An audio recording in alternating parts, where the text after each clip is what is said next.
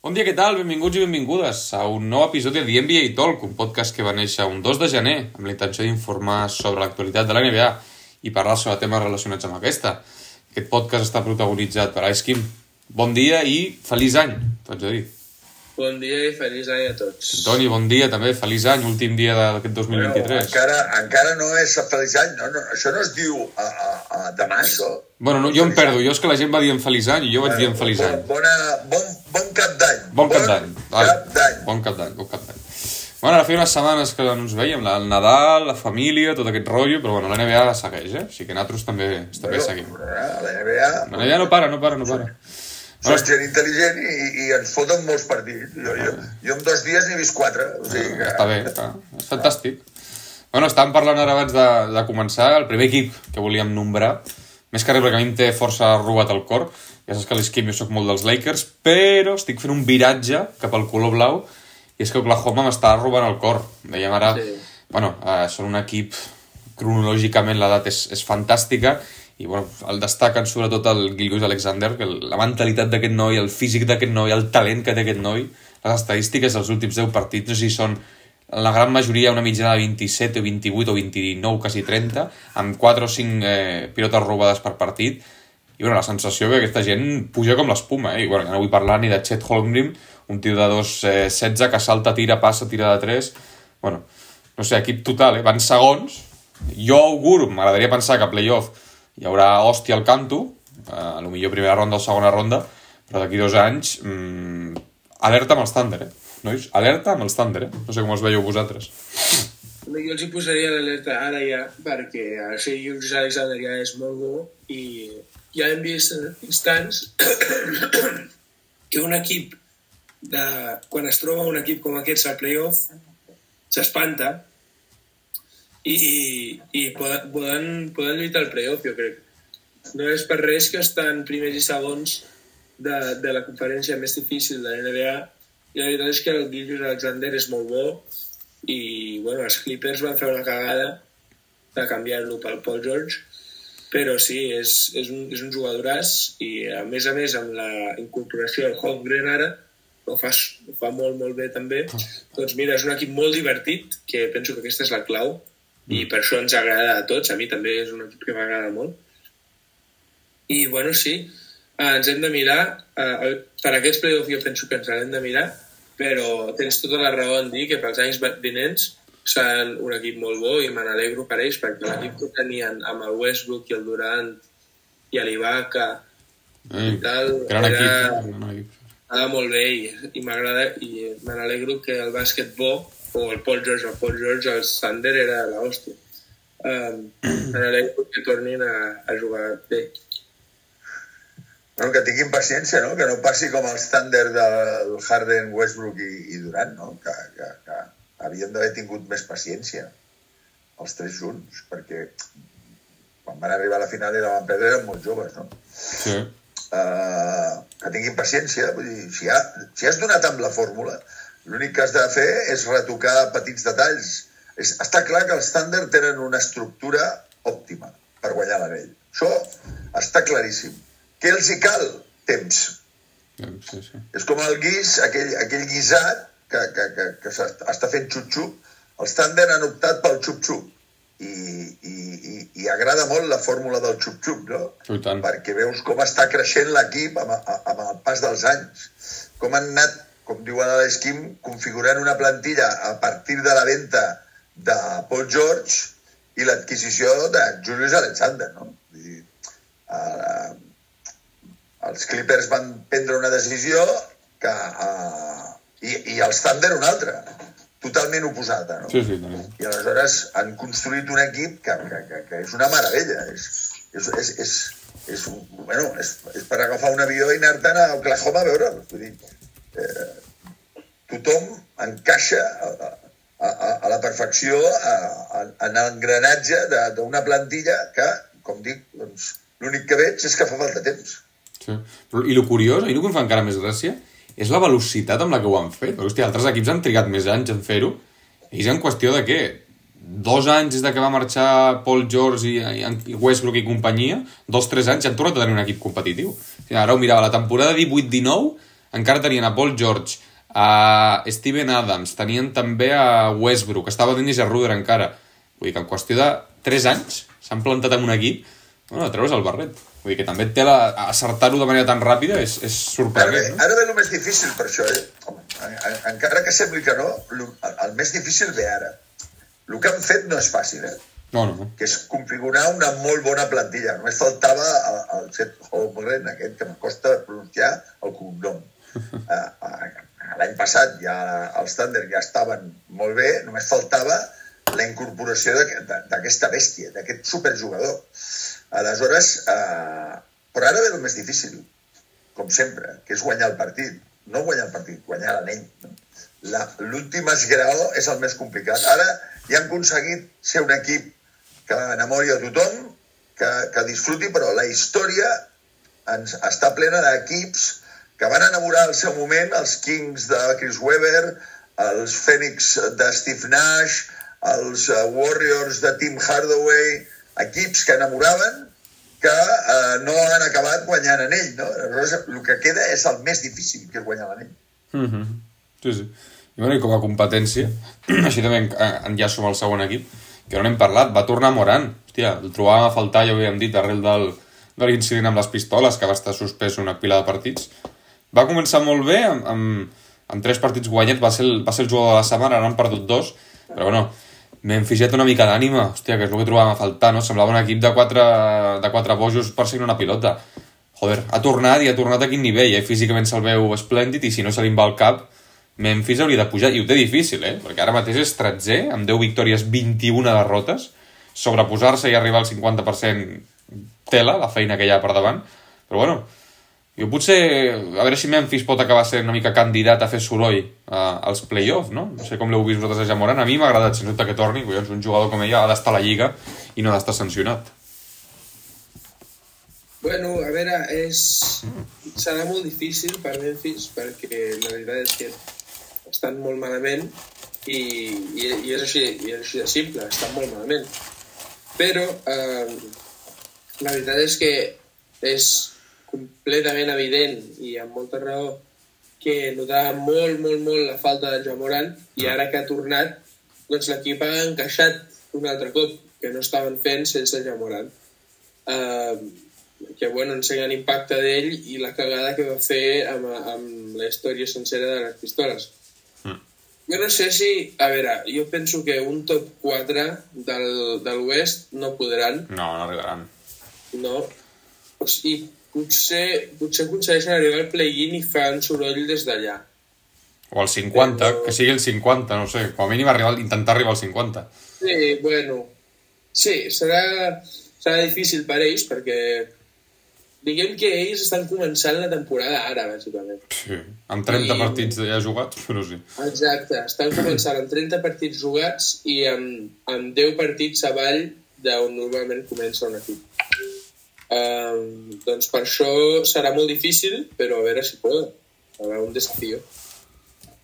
Sí, però a mi que jo miro més enllà, Memphis també és una, una franquícia que ha fet xup-xup, ha anat construint l'equip modo Thunder, eh, amb gent jove, amb el Jamoran, Jaren Jackson. A mi em preocupa, si jo fos el, el CEO de, de, de Memphis, em preocuparia molt que l'absència d'un jugador, per molt Jamoran que sigui, hagi suposat uh, tantes derrotes. O sigui, estic d'acord que un jugador d'aquest impacte l'absència d'aquest jugador ha, ha de significar una merma en el potencial de l'equip, però no a, a, als nivells que ho hem vist. Desmond Bain, Janet Jackson Jr., Marcus Smart... Uh, hòstia, uh, aquesta gent no dona per més. Sí, O sigui, aquesta gent no donava per guanyar més partits. Aquesta, això és el que em preocupa. O sigui, si jo fos el CEO d'aquest equip, diria, bueno, aquest equip no pot guanyar l'anell si, amb l'absència de Jamoran, el que queda és tan poc. Doncs. Vale? Per tant, en clau futur immediat, Memphis ha de reflexionar. no. Clar, mm, perquè han fet uns canvis qüestionables, no? Dylan Brooks, Tyus Jones, uh, Marcus Smart... mm, Me'n recordo l'any passat que Jamoran va estar dos mesos lesionat per una lesió al turmell I van guanyar, van guanyar una pila de Memphis partits. anava guanyant. Inclús et diré Que van jugar que millor. va haver-hi moments, comentaris de dir Memphis juga millor sense Jamoran. Jo Sí. ho vaig sentir, això. Sí, sí, sí, ho vam dir, ho vam dir. Aleshores, què ha passat aquí? Sí, tot... Què? Aquesta és la reflexió que jo faig ara. Més enllà de què farà Memphis a partir d'ara, que també és un altre debat, el, el meu debat va a, a, a l'arrel del tema, no? Hòstia, que malament, no? Memphis sense Jamoran, tan malament. no Mas, exacte, massa malament. No és malament, és massa no malament. Ser? No, vol dir que hi ha...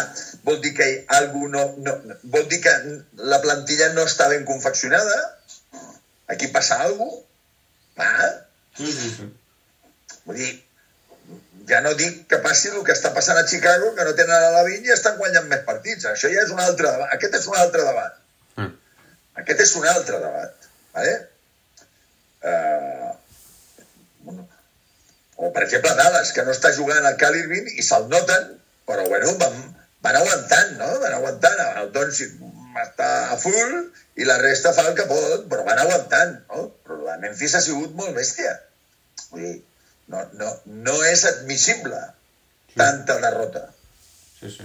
Bueno, com li passa una miqueta el mateix, ara que dius tanta derrota. Hòstia, lo de Detroit a mi em, em sembla preocupant. Han guanyat el primer partit, després de, de, la, de superar el rècord, d'empatar el rècord de major derrotes seguides. Hòstia, cal, és, és, té un equip per fer-ho tan malament. Hòstia, Kate Cunningham, el draft que va tenir el Cunningham, van dir, hòstia, un tio, bueno, un base que s'ha lesionat, ha tingut unes lesions una mica tontes, però té talent el tio, hòstia, tens a Bogdanovic, que és un trotamundos que té gràcia, no ho sé, a mi m'ha sorprès, o sigui, evidentment han d'estar baix, han d'estar rotllo com Charlotte, Toronto, aquests equips de baix, però per estar 3 victòries i 29 derrotes, clar, i al cap dels jugadors, clar, suposo que el general manager ara voldrà anar al draft per al número 1 o intentar pescar un altre Wembayama 2.0. Però, hòstia, fa el ridícul, a mi que us ho diré tal qual, a mi em fa el ridícul que un equip NBA rendeixi d'aquestes maneres. No sé com l'heu vist vosaltres. Bueno, eh, clar, la notícia d'última hora, jo m'he despertat i he vist notícia d'última hora, els Pistons han guanyat. Flipat, jo. Pensava, que- jo pensava que s'allargaria molt més, perquè la veritat és que l'equip és, és un desastre. Tenen a Cunningham, que, ho has dit, és com l'esperança de l'equip, és, és l'única cosa bona que té Pistons, però uf, a l'equip és un desastre, és un desastre. Penso que poden aconseguir ser a l'equip amb menys victòries de la història de l'NBA, Mm. Eh, I bueno, la veritat és que a veure què passa, però eh, és molt fort això que està passant a Detroit i clar, espero que els rookies que venen pel draft que ve valguin la pena perquè sé que ve el, el Brony, el fill del Lebron, però si acaba Detroit, tios, jo què vols que et digui? Jo, acabo, jo plego, eh? O sigui, acaba Detroit jugant, hòstia, perquè el Lebron ha d'anar on vagi el Brony, però el Brony no és un prospecte tan, tan fort, o sigui que no crec que anirà primer. ja potser una altra Però- banda més, sí. Bueno, podem parlar d'això un altre dia. La, el que s'ha de dir és que Detroit és un desastre. Finalment han aconseguit guanyar. Uh, suposo que parlarem dels Raptors després, que han guanyat contra els Raptors, per Sí. causa del partit de Anunobi. El traspàs Però- i tant, sí. Um, un, un desastre, Detroit, un desastre. Però, però quan, eh, quan analitzem un equip penseu que és molt difícil això. Eh? A veure, algú ha de pringar. Senyors, no hi ha pastís per tothom. No hi ha victòries per tothom. Algú ha de perdre. No. I el que, el que perdi una mica més d'oli, i, i, igual, a veure, fa temps que no veig cap partit de Detroit. Per, per tant, no em passaré. Vale? Els vull veure amb, amb detall. Vull veure... Perquè s'han de veure els equips, i s'han de veure i s'han de veure els partits i els equips. No només la classificació i la derrota, no? Però el que sí que diré és que està molt difícil, que ningú regala res. Jo ahir veient Atlanta-Sacramento, em va agradar Atlanta, em va agradar. I van perdre. Jo, jo. Per què? Pues perquè al final, sobretot de John T. Murray, fallava els tirs decisius. Bueno, i el Fox va fotre 8 triples. Eh? El Fox va fotre El 8 Fox, a, triples. a, bueno, a, a, però per la banda d'Atlanta, que va dominar tot el partit, al moment de la veritat la van, van fallar. Bueno, vale. Vale? Eh, Llavors, no és que l'Atlanta estigués molt malament. És que davant també tens un equip, en aquest cas els Kings, que ho van fer bé. Van anar de menys a més. Me'n vaig a Detroit. Detroit està molt malament. La, la classificació mm, Però, és, veure- implaca, és implacable. No. Però és que els rivals, jo el que vull posar en valor, Un equip vull que no posar en va- valor que la, el nivell és molt alt i que la lliga és molt difícil. Vull posar en valor això. Mm. Està? Sí, sí, però a veure, igualment no voldràs mirar una, un partit d'un equip que només ha guanyat dos partits, saps? Que sí, home, clar. I, i, i pensa que cada any tindrem algú que pringarà. Però ningú pringa tant com Detroit. Ningú, Vale, aquest ningú ha any ja tu- temporada tan dolenta. s'ajunten un parell o tres de lesions, que tens una plantilla jove i que no va sobradíssim de talent, perquè Detroit és una plantilla jove, Bogdanovic a part, que no va sobradíssima de talent. No està l'horno para bollos, tu. Aquí t'enganxa qualsevol i et destrossa viu. Sí. Ah, tio, és que... Clar, mm, vull dir, eh, és el que hi ha.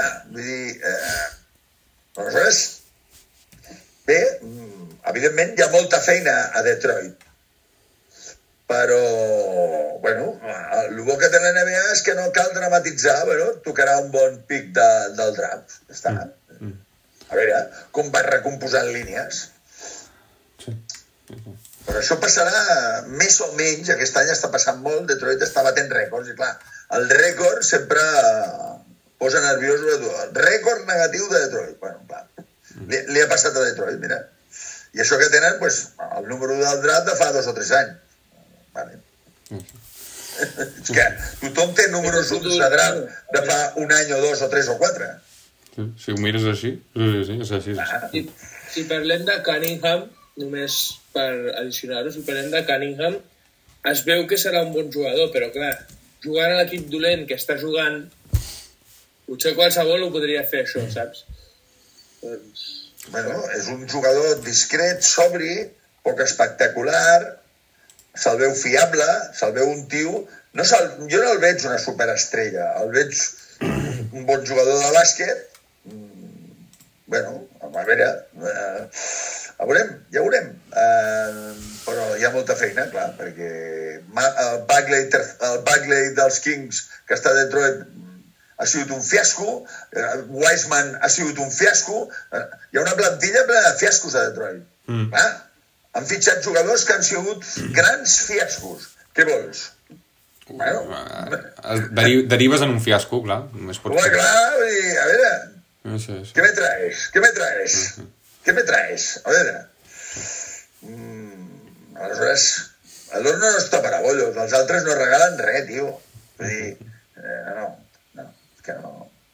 Aleshores, sí, sí, sí. La vida és dura. Els, els Spurs, Wembanyana, va aparèixer Wembanyana eh, amb una efervescència, joc, focs artificials, i ara ja, I ara ja- ha baixat el i jo, al primer podcast d'aquesta temporada vaig dir el focus per mi no està Wembanyana, per mi està Jokic. Wembanyana és un, perdó, amb tots els respectes i, i, i admiració, la gent eh, eh, s'altera Wembanyana és un tio de 19 anys que acaba d'arribar a la NBA. Ha de pringar, senyors. Michael Jordan no va guanyar el primer anell fins que va estar amb 27 anys. Què us penseu que és això? Sí, sí, sí. és que el Wembanyana té que menjar moltes sopes, rebre moltes hòsties, taps, i, i té tot el, tot el, el futur del món. Però és això, futur, present, a pringar. No està a l'horno per a bollos. El nivell és molt alt, és molt, molt alt. Sí, sí, sí, és així, és així. Ani, si Jo vols... crec Va... que el problema Digues, és digues. que li, la, la mèdia li va posar massa animació al Wembanyama. Home, clar, sí. Com per la manera que la mèdia estava, li estava fent propaganda, semblava que arribaria i fotria 30 punts per partit, però no, és un rookie. Això és impossible. Llavors aquesta competició seria una farsa. Clar, Ah, clar.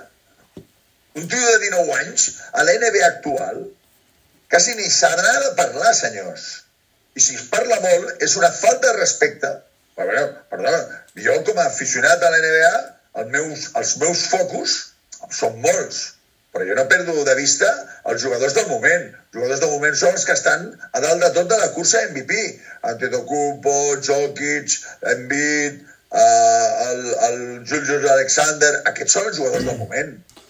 I els que vinguin, vale, perfecte, us espereu el, el, el, Weballana, el Holgren, el... Vale, molt bé, però nois, aquests tios no estan per regalar res a ningú, eh? Tu jugues contra l'Antetokounmpo i ets a, a Wembanyama i pringaràs, perquè l'Antetokounmpo agafarà Wembanyama i dirà, mira, mira cap aquí, uh, chico mediático, ven aquí. Ah, a més a més, ja pique. Aquest tio m'ha de treure amb mi titulars al diari? ja, ja t'apanyaré jo, vine cap aquí. Ah, dir, i, i el Wembanyama no deixa de tenir 19 anys.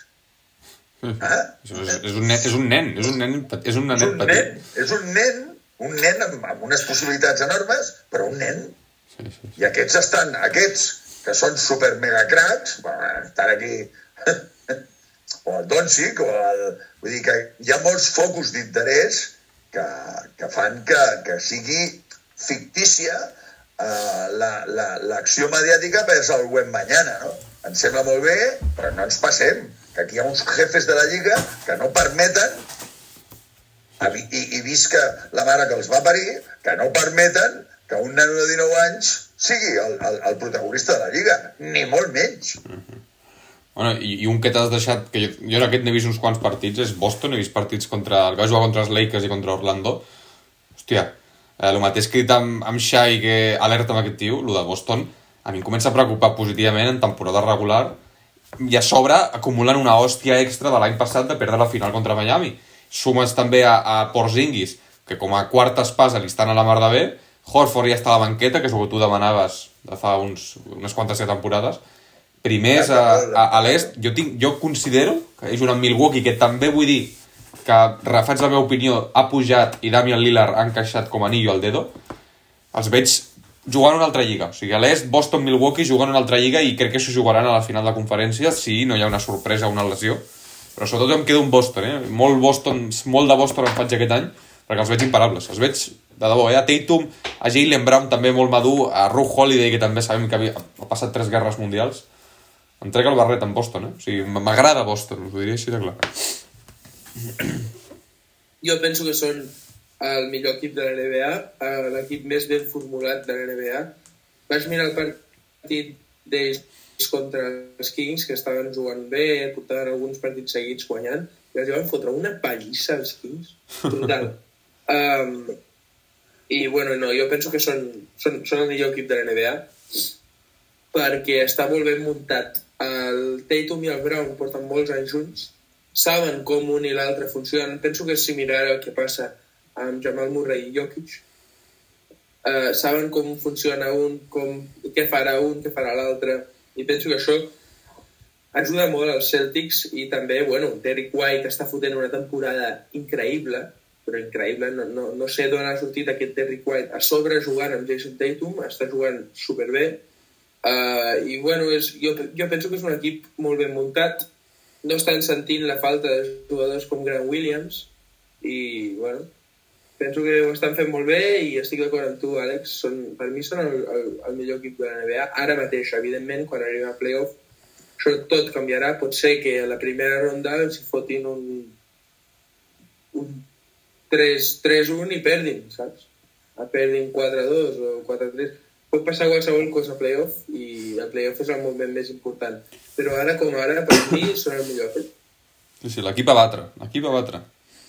Bueno, és, és, és, el, és un equip que el, el Tatum està anotant, el, el Tatum i el Brown estan anotant menys punts per partit que l'any passat i no es nota perquè la plantilla, com veieu, eh, per Finkis, 20 punts per partit. El Derrick White, excel·lent. El Derrick White i el Ru Holiday són aquells dos jugadors d'intendència que, a més a més, anoten 15-20 punts cada un. Uh, bueno, és un plantillot, és un plantillot. És el, és el plantillot. És un plantillot. les cases d'apostes uh, situen aquest equip en el, en el top one, no? Uh, jo en primera ronda no ho veig amb problemes. No els veig amb problemes. Veig amb problemes quan s'enfrontin amb els grans equips que hi ha a la Lliga, no? I no veig amb Boston amb problemes jugant contra, jo què sé, el que pot quedar el, el 8 de, Doncs mira, pod de- podria ser Nova York, Indiana, Brooklyn... No, no, no veig a Boston tenint problemes contra Indiana. Nova York, bueno, ara que has anomenat Nova York, a veure què passa amb Nova York amb, amb aquests canvis bombàstics, que és una bomba que, que en, en, en Unovi és un bon fitxatge, Sí. però eh, Rand, um, Barrett i, i Quickly, és, Quickly és, és un jugador tipus Tyrese Maxi, és un jugador tipus Bones Highland, són Sí, jugadors sí, ho has dit bé, estic d'acord. Bona comparativa. que si no els hi pilles el, el, aquest Quickly pot fotre 25 punts per partit a la NBA eh? tipus Tyrese Maxi Oh, perquè és quickly, és quickly, tio. Passa que ha d'estar, ha d'estar en el lloc adequat. Um, llavors, la pregunta és, ja que i em centro amb, el, amb aquest trade, en Unovi per Barrett i Quickly. Per mi, New York, mm, veurem si millora, si empitjora o millora serà poc, ¿vale? Mm. Està per veure. Perquè el Quickly sortia de la banqueta i et fotia 15 punts en un moment. El Barret anava fent els seus 15 puntets. Ara, a veure, en Unovi com encaixa. Però també diré, perquè clar, he estat llegint jo, és probable que no es, la plantilla no es quedi igual, eh? O sigui, que aquest traspàs sigui un precedent a un traspàs Ah, més vale. gros que potser podria Perquè, involucrar, bueno, involucrar Jo Randall. tinc clar que jo el que em trec de sobre és el Julius Randall. Pues en, descaradament. en principi ho han fet per això, per ajustar salaris, perquè suposo que Barrett i Quickly amb cobraven. Julius Randall no es pot guanyar un anell. Sí, sí. Vale? Per tant, en Branson sí, vale? ja tenim el Branson. En Unovi, bon fitxatge. Però aquí falta molt. Falta molt. Tu no pots anar amb el Robinson o el Hartenstein. No, clar. Bueno, i si vas amb un Robinson o Hartenstein, els altres han de notar que te cagues. Sí, clar, clar. Vull dir, ah, el tall ha de sortir per alguna banda. De moment, si en Unovi és el pas previ a més canvis, aleshores, uh, ok, a veure. Vale. Vale. després de Barrett i de Quickly, eh? Sí, sí, sí. A veure.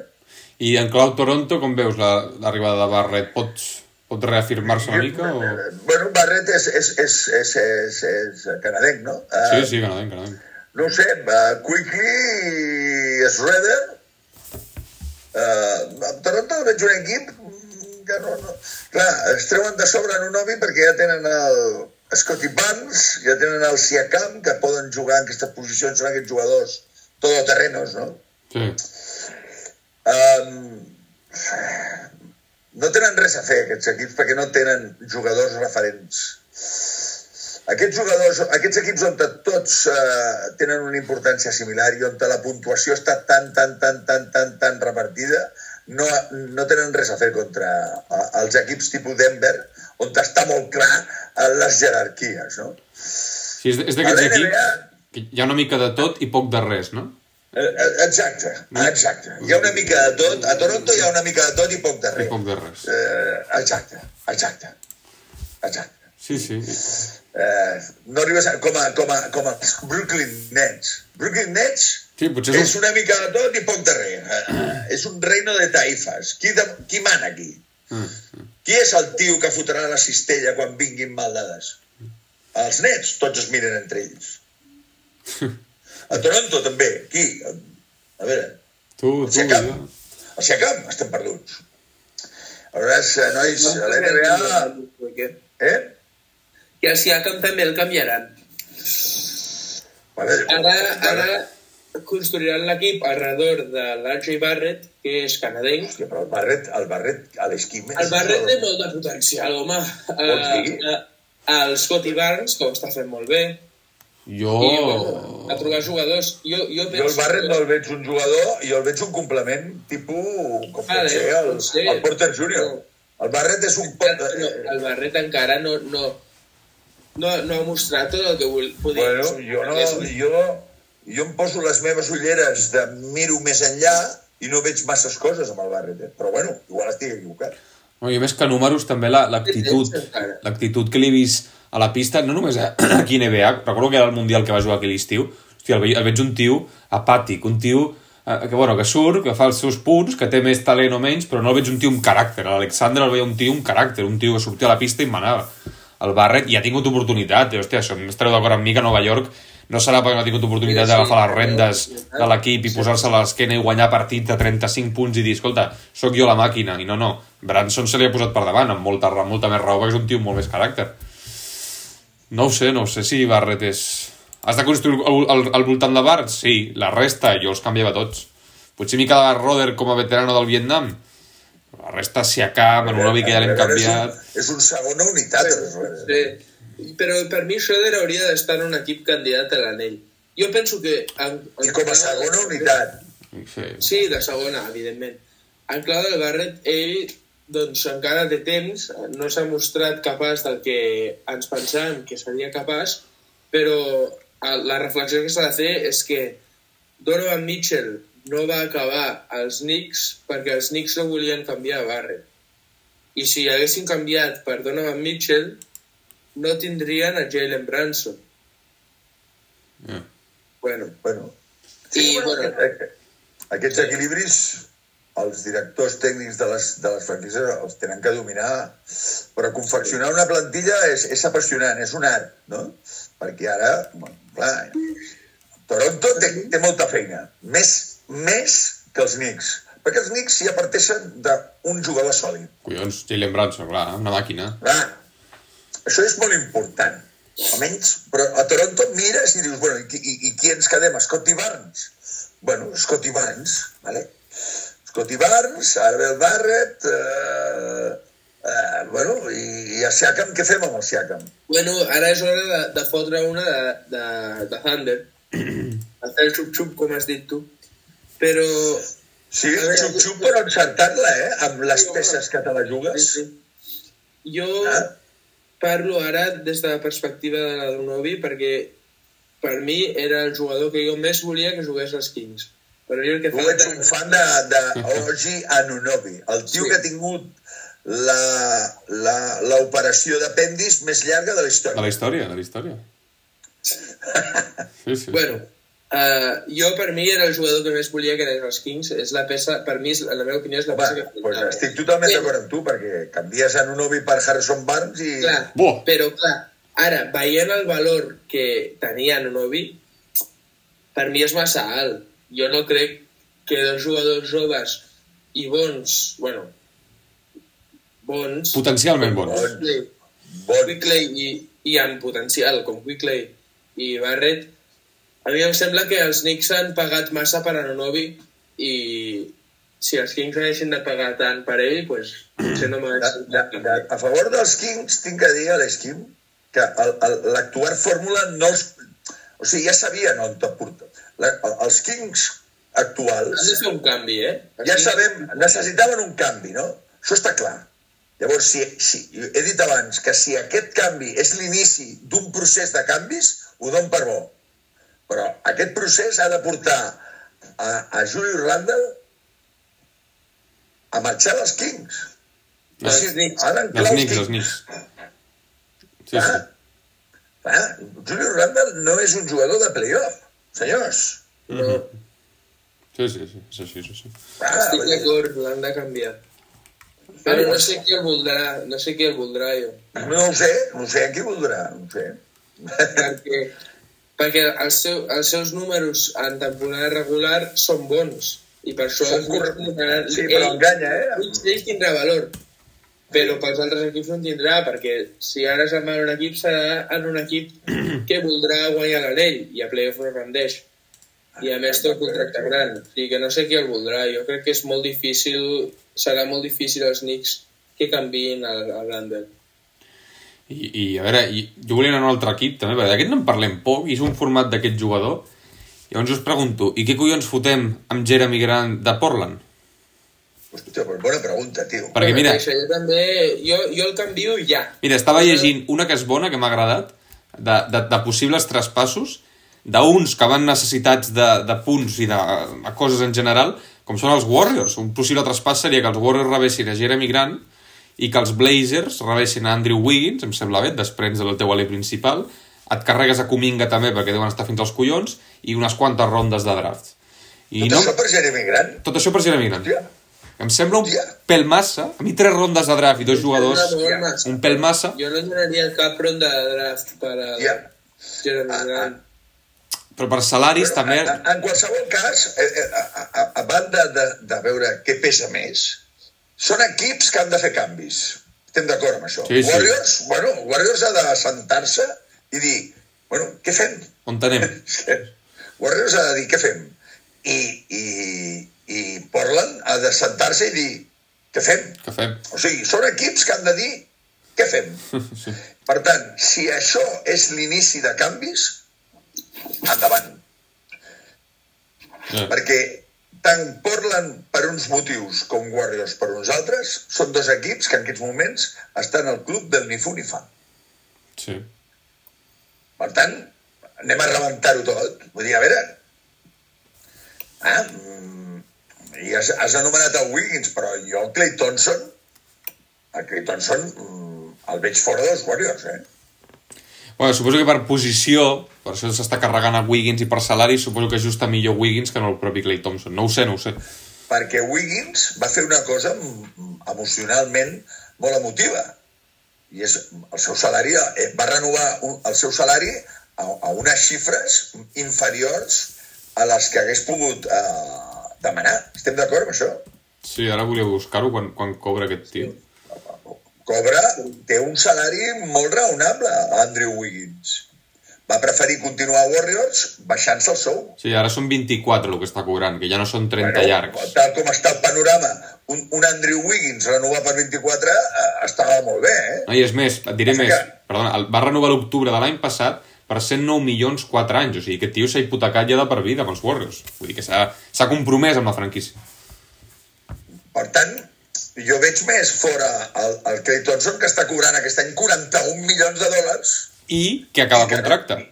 i que acaba contracte i que no s'estan posant d'acord, evidentment, perquè el representant del Thompson diu, escolta, si anem a una altra banda segur que cobrem més, perquè els Warriors ja deuen estar fins als collons del Clay. Eh. Sí, sí, no, no... No sé, Bueno, I un altre també, és que ara també estem a Portland, clar, ara m'hi estava fixant. Un altre tio que no hem parlat gens és en Fernie Simons, tio. Porta, porta 11 partits que ha jugat perquè s'ha lesionat, però 27 punts va estar en els primers 11 partits. Aquest tio també és un tio sèrio, 24 anys. Potser s'han de centrar en, en en Fernie Simons i construir al voltant d'ell, no? pues, pues, pues, Crec que hauria de ser- Quasi diré que sí. Però ara tenen el paquet de l'Andre Ayton, que, que, que, que, al final haig de dir això, paquet, perquè és un tio que, que és un número de draft, tio. El draft del Luka Doncic, no? Sí, Que sí, puta, sí. Tio, és, que, és que és per cagar-se, tio. Sí, lo, lo. Sí, és que és per cagar-se, tio. Lo lo Aquella vella teoria que diu necesitamos un pivot, per tant faig número de draft a un pivot. Vaya chorrada, tio. Sí. Fitxa el millor jugador, deixa't estar el que necessites, tio. I com els hi va Veurem sortir? el que passarà. A- Ara imagineu-vos què hagués passat si Fènix, al seu moment, en vez d'agafar el paquet de Lighton, agafen el Luka Doncic i el Devin Booker. Au, vinga! Fu, fu.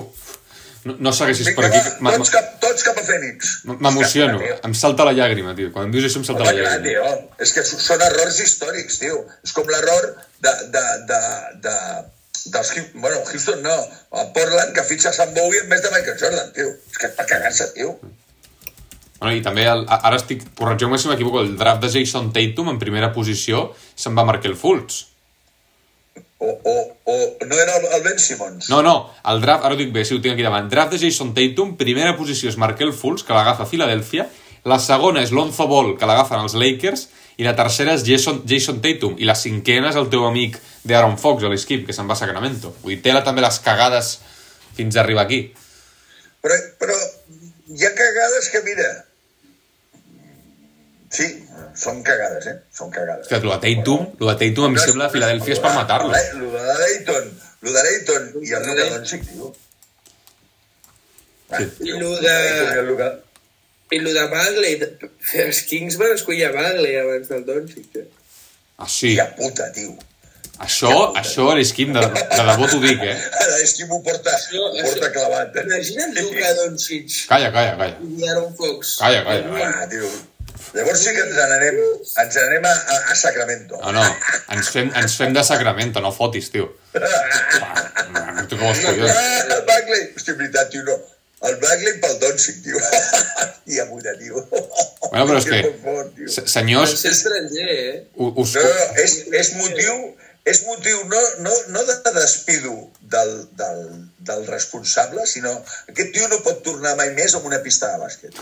Càstig etern, cadena perpètua. Ho dic en Va ser sèrio. el, el Bla de Divac, era el general. Bueno, pues, a Vlade Divac, que per cert, Luka Doncic és balcànic. Podríem dir, hòstia, Exacte. de... a sobre això, a sobre això. Sí, sí. Vlade Divac, fora, tio. Tu no tens... Tu no pots entrar més a l'estado de Califòrnia, tio. Déjate estar, hòstia. Bueno, però és que... A Això és mi, molt greu, tio. a més a més, espera, que ho vull fer encara més greu, vull tirar més, més merda a la sang. Aquell mateix Ja, draft ja. que s'agafa Marvin Bagley, darrere de Bagley estava Doncic, Jaren Jackson Jr. de Memphis, Trey Young, i a la onzena posició estava Ge- Shea Shea Gilgius Alexander. O sigui, quàdruple cagada. Quàdruple cagada, nois. Quàdruple cagada. Hòstia, tio. cagades. Vlado Divac no pot entrar als Estats Units. La de Divet se l'ha de, se de prohibir, se l'ha de deportar. prohibida a USA. Penso com la pot cagar tant. És que, tio, uns Bueno, pues, Bueno, Al final ha funcionat pels Kings. sí, sí. Bueno, bueno, bueno, bueno, que a, a, al final... Moment. Estem parlant d'una dimensió desconeguda, l'Esquim, eh? Estem parlant... Els Kings han arreglat Sí, el desastre, ¿vale? Han arreglat el desastre, però això no vol dir que la dimensió desconeguda tu portaries el cabell, ara el portes groc, blanc, el portaries de color vermell, blau i verd alhora, tio, amb aquests que estem dient. Tu t'imagines el, el Darren Fox i el, i el Luka Doncic, tio? Que, que fotem conya, Bueno, tio? Toni, ja he El, mira, Darren Fox, Luka Doncic, tu, tu de pivot, a l'Àlex Lillo amb una cantonada i jo a l'altra, tio. Eh, eh, home, Eh, som equip de Home, playoff. eh, Som equip de escolta, playoff. a- escolta, parlem molt clar, eh? Dallas, en aquests moments, és Doncic i sus chicos. I sus No muchachos. arriba ni a muchachos. No arriba ni... Sí. Doncic i sus chicos. I sus chi chiquis, i sus chiquis. Sí, sí, sí. El, el Derrick Jones, que no el volia ningú. El gran, que no jugava a, a Boston. El Hardaway, que ara avui te les foto, demà no. El, el Dante Exum, que estava a Barcelona sense pena ni glòria. Exacte. És que és per cagar-se. Aquest és l'equip de Luka Doncic, senyor. Sí, sí, sí. Això, això és És molt, molt fort. Ah, Li treus Luka Doncic i, i ara no hi ha el Cal Irving i aquest equip no guanya l'Eurolliga. No guanyen l'Eurolliga. Sí. Això està més clar que l'aigua, tio. Sí que sí. sí. Tia puta, tio. No, no, és, és el que demostra com, com, una, com un fitxatge de draft et canvia la vida. Ué, marca la història de la franquícia. La història de la tio. franquícia. És que, clar, tio. Ah, perquè Ah, tio.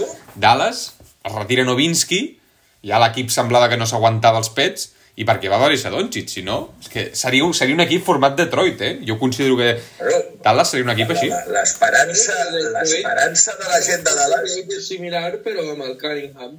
Sí, sí, sí, és un equip similar. Bueno, l'esperança de la gent de Dallas és que l'encertin en algun moment en veure què acompanya aquesta criatura. Sí. Vull dir... I ja està, i no, no té més tutia. Ja tenen alguna cosa per això, eh? Hi ha equips que no tenen ni això. Bueno, en tants anys tenint poc acompanyants tants dolents, al final dirà prou ja, i se n'anirà. Bueno, eh, exacte, perquè Jordan veia com any rere any la cosa anava millorant. Vale? Va començar, quan Jordan arriba a Chicago, allò era un camp de refugiats, i, i que em perdonin. Lo, lo de Chicago era molt bèstia, vosaltres no existíeu. Vale? Quan en Jordan arriba a Chicago, Chicago era un desgavell de, de, de, de franquícia. D'equip, no? Llavors, bueno, ell a, a, i romp, bueno, igual que Doncic, i romp a lo bèstia, llavors ell anava veient que el Cherry Crown li anava augmentant el nivell dels, dels acompanyants, no? És el que dius tu, l'esquima. La Luca Doncic ha d'anar veient que esto va mejorando. No. I bueno, a veure, la veritat és que va millorar amb el Kairi, eh? Però... Sí, però bueno, que no, no- que no estigui molta estona lesionat. I, els, i, I més enllà de Cal Irving, a veure què hi ha, perquè, bueno, és que mires, mires, mires i molt, molt... Sembla que han millorat aquest any el, el, el fons d'armari, no? Però molt no, eh? No, no. Sí, sí. Però, clar, eh, és que fer un equip, fixeu-vos que no estem parlant d'entrenadors. Per què? Perquè al final, l'entrenador és secundari. Tot i que veig entrenadors que no toquen vores, eh? I abans, eh, quan, abans d'entrar en antena que parlàvem amb l'Àlex, eh, veig l'entrenador dels Lakers perdudet, eh? Veig a l'entrenador dels Lakers navegando en aguas profundes, eh? I els Lakers tenen un caramel enverinat que és el Lebron. El Lebron és una putada. El, ja li va passar amb el Barça de futbol amb treure's de sobre a Messi. Aquests jugadors que tenen No, aquesta... no, no. No, no, què? Què treuràs de sobre Messi? Si, si va, va marxar el Messi i va anar tot cap a la merda. No és el mateix. És el mateix. No, El que canvia són pues, accents. Però l'Ebron, els Lakers s'han de treure urgentment a l'Ebron de sobre i és molt difícil treure's a una llegenda de sobre. Per què? Perquè les llegendes acaben estant per sobre dels equips. pues sí. Bé, avui estava veient els Lakers. Sabeu què li passa a un jugador dels Lakers quan té la bola? Que no sap què fer, o que li passa a l'Ebron. Que no, només mira l'Ebron. Diu, això li passava amb el Barça, amb el Messi. Miraven el Messi, per què? Perquè el Messi era el tio que tenien enganxat al pòster de la seva habitació quan van començar a jugar a futbol. Tots els jugadors dels Lakers, quan van, jugar a bas van començar a jugar a bàsquet, flipaven amb el l'Ebron i ara estan jugant amb ells. Li volen passar quan no toca. Uh, ara és l'equip de l'Ebron que l'Ebron es despedeixi del món del bàsquet el millor possible. I això és posar tot l'equip al servei de l'Ebron. I això passa amb Messi, l'Ebron, Kobe Bryant. Li va passar exactament. Els últims anys de Kobe Bryant als Lakers era un desastre. Sí, era aquell equip que no s'aguantava per enlloc. Sí, sí. Desprendre's d'una legenda sempre és un problema. sí, no sé com s'ho faran, eh? perquè ja saps que l'Ebron és de la secció. Em, quedar, em quedaré fins que em mori jugant a bàsquet. Per tant, Bueno, ah, i, I ell vol jugar, bueno, vale, pues, vale. i, i, lo... I els números, i els números que fa, si els mires fredament, hòstia, dius, collons, però clar, no és el, el, la legenda del Lebron és molt més alta que els números que fa. Ah, és, és també quan els fa, com els fa... Ah, clar, i, i el que, i el que s'hipoteca de la resta de companys. Ah, clar. No, és que estareu És el d'acord tio que tira més tirs de, la- de l'equip. no, és que estareu d'acord amb mi, D'Angelo Russell està desaparegut. Bueno, Hachimura no està aprofitant, el Reeves no sap on quina paret toca. Eh, Va ser All-Star, no sé, no sé. Qui, qui? Perquè, des de luego, des d'aquell moment, el D'Angelo Russell, tu, Bueno, està, està out, és, és... té talent, perquè l'hem vist fotre 30 punts a Minnesota abans que el traspassessin.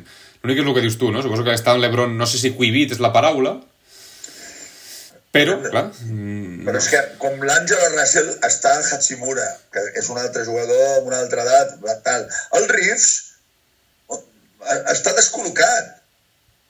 Ha Sí. sortit del starting five, l'han fotut ara de, de, de, de cap de la segona unitat, a, a l'starting five ha fotut el, el Vanderbilt i el, i, el, i el Camp Redis, que encara no saben ni com es diuen. els tios que no foten ni 5 punts per partit, sobretot això Exacte, important. però defensen, defensen, i al Lakers li foten 125 punts. Ah, clar. Que- Mm. Bueno, ja que fots aquests dos, vale? Mm, però clar, aquests dos tindrien sentit si l'Ebron fotés 35 punts cada nit. Sí, clar, clar. Però l'Ebron ja no li pots demanar més de 20 punts per partit. I- Està jugant quasi 40 minuts per partit el l'Ebron, eh? I té 39 anys, eh? Hòstia puta, arribarà a playoff que no s'aguantarà els pets. Deixeu-vos estar d'hòstia. Sí, sí. Els Lakers ho tenen fotut. I, i diem... Warriors ho té fotut. Però és que hi ha molts equips que ho tenen fotut. Afortunadament, hi ha molts altres equips que no. Aquí està la gràcia de la NBA, no? Bueno, i, i, di, I diem també, que això també ho criticàvem l'any passat, i que a sobre tot això està passant als Lakers amb Davis jugant el millor bàsquet dels últims dos anys. El David, la millor inici de temporada en temps. Està jugant, tots els partits són 30-10, 30-10. Bueno, però de moment no s'està lesionant, que ja és un gran què, està sent regular, ha jugat backs to backs. I a sobre, apareix el seu millor moment en el pitjor moment dels Lakers. També ar- arriba el millor moment, saps? Quan els Lakers han guanyat l'in-season tournament. I a sobre quan han guanyat el tournament aquest, sí, sí. Cosa que vol dir que l'in-season tournament no serveix per res, perquè acabes de guanyar l'in-season tournament i tots són dubtes. Sí, sí, fa, fa, fa que pensar, fa que pensar, estic d'acord. Va, va. Sí, no ho sé, no sé si com ho arreglaran, eh? perquè algun traspàs a lo millor ha de caure. Sigui, hi ha massa jugador d'aquest de mucho, de mucho de todo i poco de nada. No t'escalfis el cap, Àlex. El problema és molt gros i es diu LeBron James. Ja pots anar canviant Hachimuras, Austin Reeves, a DeAngelo Russell i al, al final el problema serà el mateix. La palmera no deixa que les altres plantes del jardí creixin. Senyors, és així. I, I no és la primera vegada que passa. És un clàssic. Despedir una llegenda és un problemón. Ai, I més quan aquesta llegenda no vol plegar perquè, doncs perquè està bé, perquè ell creu que està bé, estàs bé, eh, però no ets el màxim Lebron. Ja ets un Lebron light, per molt bé que estiguis. eh, I la plantilla s'està fent com si el Lebron tingués 28 anys. No. De, de moment ja hauria de sortir de la banqueta, cosa que no acceptarà. Lebron hauria de sortir de segona unitat, jefe de segona unitat. Hòstia A puta, veure, aquí què estàs crec dient? que tu has exagerat una mica. Estic d'acord amb tot el que estàs dient. Segona unitat ja no ho crec. Però... T'ho dic en sèrio. És que, és, ja sé que l'ego del Lebron és més gran quasi que la història dels Lakers, tio. És, però és que és un problema. No se'n sortiran fins que no marxi el Lebron. El que jo us dic. Bueno, i, És i interessant serà també a veure quin, quin Davis tenim després de que se'n vagi l'Ebron. Va, clar, Davis seguirà jugant a bàsquet. No us n'oblideu. El Davis està a la seva millor edat. Sí, sí, però quan se'n vagi haurà d'assumir responsabilitats o passar Però a ser... el Davis no és un líder. El, el Davis no és un líder. Per això, per el, això. Davis, el Davis ha de conviure amb un líder. Per si això. vols guanyar l'anell. Que a veure quin, li, quina, quina faceta seva queda després. Ara, passa que el teu líder, que és el Lebron, té 40 tacos, o 39. Aquest és el problema dels Lakers, tio. Ni més ni menys. I està molt bé el Lebron, per l'edat. Però està molt bé com a, per l'edat que té. Sí, sí, clar, No clar. per guanyar l'anell. Ah, clar, tios, és que aquí... De què estem parlant? De que l'Ebron es conserva molt bé, vale? Parlem de... La... Oh, que bé que es conserva l'Ebron. Però per guanyar l'anell no. clar, clar, clar. Sí, sí, sí. Ah? sí, no ho sé. A, Per què? A veure com... Perquè no està l'horno para bollos. Perquè aquí hi ha els Antetokounmpos, Jokic i companyia que no estan per regalar res a ningú. Amb un tio de 40... El mateix que deia pel Wembanyama amb 19 anys, et dic el Lebron amb 39. Sí, l'extrem oposat, La ja. NBA no està perquè guanyi un tio de 39 anys la- la- l'anell. I què més? A més a més és el líder. Sí, sí. perquè no hi ha ningú que pugui fer de líder si està el Lebron en pista. Sí, sí. Ja pots anar remenant les cireres al voltant del Lebron, el Hachimura, el Vanderbilt, el, el, el, el, tots els que vagis posant. Ja. La cosa anirà coixa Ja, per ja. molt in-season tournament. Jo disfruto molt més en aquest moment veient, bueno, l'altre dia vaig disfrutar molt veient els Kings. Per cert, senyor Alex Kim, Digues. uh, Malik Monk m'encanta, eh? Aquest tio l'han de posar a la categoria. Eh? Molt és increïble. El Malik Monk, bueno, Malik Monk va dels 25 punts o no sé quants fa el, el Sabonis, el 50% és assistència sota l'aro de Malik Monk. Creador de joc, ell, Sí, no, el Monk, el Monk és molt bo. Molt bo, I és molt bo. l'ajuda perfecta pel, pel Fox, que el Fox també és la bèstia. a l'hora a l'hora de la veritat, Monk. entre Malik Monk i Fox eren els que creaven tot. És que jo crec, jo crec, se- perdona'm, que no es parla suficient de Fox. Perquè Fox porta 30 punts per partit amb 40% d'eficiència de triples i ningú ho sap. Però és que ja ho Saps saps. Sacramento, Sacramento. No ven tant. No, però sa- Ah, no, sabeu no, què passa? Que no, té raó, té raó la d'Esquim, però sabeu què passa? És que, és que hi ha molta, és que hi ha molt d'aquí parlar. Ja. Clar, és Sí. que eh, és la grandesa d'aquesta competició dels collons, tio. Clar, no parlem molt de, de Darren Fox perquè tenim un llistat Que no de jugadors, tio, que no se'ns acaba, tio. Sí, sí. Ah, el, el, el, dels, jo opino el mateix del, del Julius Alexander, imagina't. Sí. No es parla lo suficient. No es parla. Aquest tio hauria d'estar a la carrera de l'MVP molt més amunt. Sí, i, es- i està, de, i està per davant en bit i, i gent així que ven més. clar. És que al final la sensació és que no es parla lo suficient de tothom. De tothom. Perquè jo a principi de temporada us vaig dir no es parla lo suficient de Nicola Jokic. Sí, que havia guanyat un anell. Parlàvem de Wembanyama, és que té collons. Parlàvem de Wembanyama. I jo protestava enèrgicament. Em nego a parlar de Wembanyama. Ja. per respecte a De'Aaron Fox, a Julius Alexander, a Joel Embiid, a Jokic, a Antetokounmpo, Luka Doncic, etc etc. Sí, sí, sí. Home, clar, no parlem prou de tota aquesta gent, de, de Kawhi Leonard, que fotem conya. Sí, és veritat. És un altre tio que no n'hem parlat. Jo sóc fan incondicional de Kawhi Leonard. Sí, sí. I No... cada dia que està lesionat poso una tira negra al balcó de casa meva. No sé quantes tires negres tinc al balcó ja. Sí, Però sí. clar, home, o, o, o Stephen Curry, el gran Stephen Curry que ara està allà a Warriors cobrant 51 milions de dòlars. Oh, oh, oh, oh, oh. Pobret. Sí. Quan, 51. quan està de mal humor, el truca al general manager i diu, bueno, tranquilo, Stephen, eh, eh, eh, en pocos días recibirás la nòmina. per cert, eh, ell també té nòmina? Perquè es diu nòmina el que cobra el Stephen Curry o té un altre nom? Això és curiós, sí. Arriba a casa i... i... No, no, i et preguntaré més. I té doble? Té doble, Stephen Curry? També li paguen la doble? Doble per Nadal? Cobra el doble per Nadal? Està a casa seva i li arriba la doble?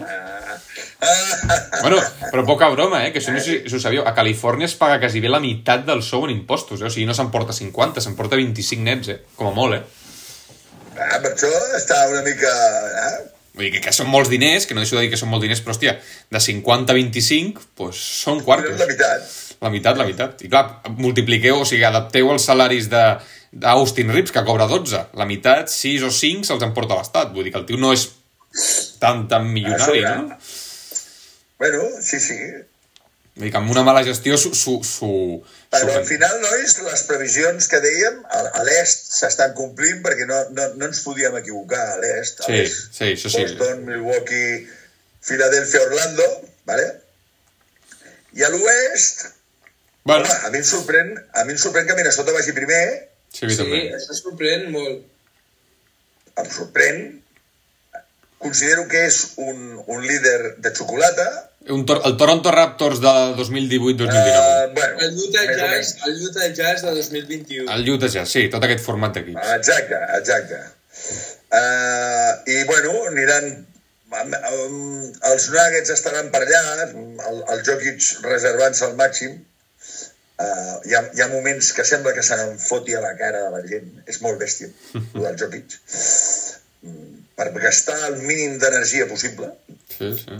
Uh, els Clippers, si estan sants, és que sempre han de fotre aquesta coletilla, perquè a Can Clippers, nano, saben de què va això d'estar lesionat o no. O no. sí. Uh, els Clippers, si estan sants, estan a Nadal, els Thunder, visca la mare que els va parir, estan a Nadal, um, i a partir d'aquí, a veure què em deixo. Uh, Phoenix Suns, nois, i Phoenix Suns, no en parleus? A l'esquip no parlem de Phoenix Suns, Bueno, perquè... no parlem de Kevin Durant. Ja, ja, lo de Bradley Bill, tio, estan fins als collons de Bradley Bradley Bill, què Bill. passa? Vaya fichaje, Bradley Bill. Tens el Grayson Allen, el, el Gordon, el, el Gordon i, i Bradley Bill i, i Booker, que són quatre jugadors amb diferents qualitats idèntics. Sí. Ja puta. Què fas amb aquests jugadors? Tens aquí- Aquest jugador formato recibo i anoto. Sí, tens, tens... Bueno, pues uh, Bradley Bill, què? Un fiasco. De moment són 13 Ja ho punts, eh? Aquesta temporada són 13 punts. Avui n'ha fotut 6 l'última passada matinada. Eh, sis ha, estat, punts, ha estat lesionat i és, un, És un tio que n'ha fotut 31, eh? Recordeu, nois? A Washington en fotia 31 per partit, eh? Està fotent-ne 6, eh? És que... Però és que no jugava ni amb Kevin Durant ni amb, Kevin, Bu- amb Devin Booker. Ah, això també pot ser un altre problema. Sí, estic d'acord, estic d'acord. No ho sé, no ho sé. A veure, a veure com... Ah, de Durant ja sabem que fotrà 30 punts d'aquí el dia que es mori. Però clar, Sí, però, però, però poso un asterisc, el Durant s'està fent gran, eh? Estem allà al límit, eh? Estem al límit amb el Durant i el Sí, Kelly sí, igual. sí. Estan bé, però, però és que aquesta gent... A veure, és com el Lebron. Um, aquesta gent ah, poden estar molt bé, no estar com sempre. Perquè han estat molt amunt. Venen de molt amunt. sí, sí, sí. Vull dir, mantenir això és, és, és, és, és molt bèstia. Sí, sí, sí, estic d'acord. Inclús baixant un 20% són molt bons. Ah. Ja veurem, jo sóc pessimista a Can Phoenix Suns. Sí, no, Entre altres coses perquè els altres tampoc regalen, eh? Sí. Aquí, clar, tio, eh, que hi haurà hòsties, a l'oest hi haurà hòsties. Jo tampoc. Bueno, a l'est també, perquè més a baix de Filadèlfia i Orlando hi haurà hòsties, hòsties. I més, més a baix d'aquí res, sí, sí. Sí, no ho tinc clar, jo tampoc ho tinc clar. En Phoenix, a veure com, què, què passarà, però el que tu dius, perquè la resta estan, estan molt, bé, molt bé. No només és que Phoenix Bueno, estigui... i, i, I Memphis anirà cap amunt. no? Com heu dit abans, no sé on arribaran, no els veiem els quatre primers ni molt menys, però bueno, si estan sants, Memphis anirà cap amunt, eh, aniran pujant. A veure, eh, a veure, Warriors soc pessimista. Lakers, eh, Lakers, soc més pessimista amb Warriors que amb Lakers, perquè Jo mira, els. Warriors, eh, és que els Warriors fan aigua per tot arreu. estan, estan més malament. Estan... Ah, tio, i, i, i em dóna la sensació que el Carri a, a aquesta temporada ha dit no em desgasto. Ah, perquè sap que si fot 30-40 punts per partit no soluciona res. No, no, serà inútil. eh? Sí, serà inútil. Ah, aquesta gent fa si, si, si serveix per alguna cosa, si no, ja, ja, ja em reservo per l'any que ve, eh, si és un millor any. No sé. I, perquè volen jugar molts anys, clar. Sí, sí, sí. Bueno, en fi, hem fotut una repassada, eh, de tots els equips NBA. I a més, ara el guapo és que venen traspassos i s'acaben al febrer. Per tant, aquest mes estarà molt mogut, eh? Us ho recordo. Oh, Eh? oh, oh. Aquest mes anirem, ja hem tingut el Darunovi i a veure quins traspassos més ens, ens trobem. Ha d'haver-hi traspassos perquè hi ha molts equips que... que... Quins equips pensem que han de fer tres passos sí o sí? Uh, uh, molts. Bueno, ja, ja els hem anat comentant, tots, tots, diria quasi bé tots, men- menys els top, que, menys els que van en una altra Mira. lliga. Menys Boston, Uh, Denver... equips, equips que han de moure Portland, ho hem dit. Portland. Phoenix Suns l'incluiria, Warriors. Els Lakers, mm, que continuo dient el que he dit, uh, hem, hem anat anomenant, eh? Uh, que, que, uh, uh, New York, Toronto... Bueno, Sacramento. Sac... Sacramento també. Phoenix. Phoenix també, en certa manera, podia plantejar-se alguna cosa. Que Filadèlfia. Tots, Filadèlfia, tothom veu que estan rendint per sobre del que esperaven, però Filadèlfia saben que estan curts.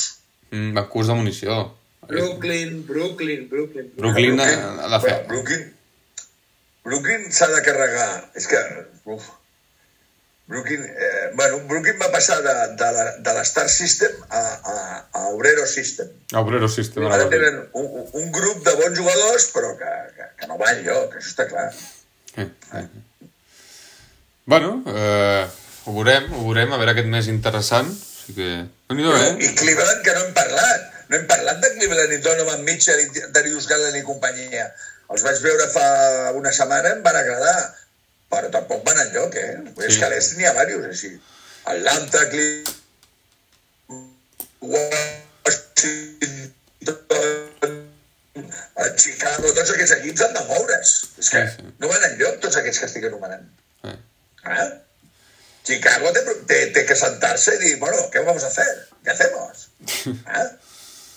Sí, sí. sí, sí, sí, sí, sí, sí. Bueno, en qualsevol cas, bro, avui estàveu xerraires, avui hem repassat tota l'NBA. Es nota que és... I ara sí que ho podem dir, no? Bon cap d'any ja, ostres, eh? podcast fet, acabem 2023 amb episodi de podcast. dies l'aniversari L'aniversari d'aquí. del podcast, home. Ah, bueno, sí, clar, el 2 de gener, d'aquí 3 dies, sí, sí, ja, ja seran un, dos, tres anys, ho dic bé? Sí, dos, dos, tres, tres, dos, dos, tres anys. Déu-n'hi-do, déu nhi déu Bueno, sí que molt bé, porteu-vos bé aquesta nit, eh, nois? O sigui que tingueu una bona... Jo, sí, mira, jo, jo vaig a sopar a casa de l'Esquim. Pa, et, porta, et portaràs la mar de bé, aleshores? Jo, mira, em fotré un cafè a, a la tarda per no dormir-me, tio. Perquè últimament sóc com una gallina, tio. Em ve la son a partir de les 10, 10 i mitja. Bueno, bueno, doncs això, ens, ens veiem l'any vinent. Gràcies per tot aquest any de podcast, el Toni i Tu, l'Esquim. tu què fas, Ale, a, a, a, Àlex? Àlex, què fas tu? Jo vaig amb uns amics a sopar a casa d'un, anem uns quants, ens juntem, fem un sopar d'aquests fantàstics i després anem de festa. Bé, el que toca, lo, Lo que toca. Preceptiu. Lo normal, no? no lo normal. Lo, lo, ah, mira, lo normal. Lo normal. Ara feia temps que no ho dèiem, lo normal. Lo normal és, és... és, és, el- el normal, Lo clar. normal, lo normal. Sí, sí, sí, sí. Normal. Perquè tu ets un tio normal. Jo sóc un tio normal. Hòstia, no deixo de ser... Normal. Deixo de ser un tio normal. Ah, clar, clar. Normal és un tio que surt per cap d'any. Clar, clar, això és lo normal, això és lo normal. I que quan té son se'n va dormir. I quan té son se m'adorm, exacte. I quan té gana menja. És un tio normal. És un tio normal, sí, sí, sí. bueno, despedi despedeixo el podcast, apa. Despediu també el podcast vosaltres. Bon any, ens veiem l'any vinent. I sí, una abraçada. I adeu.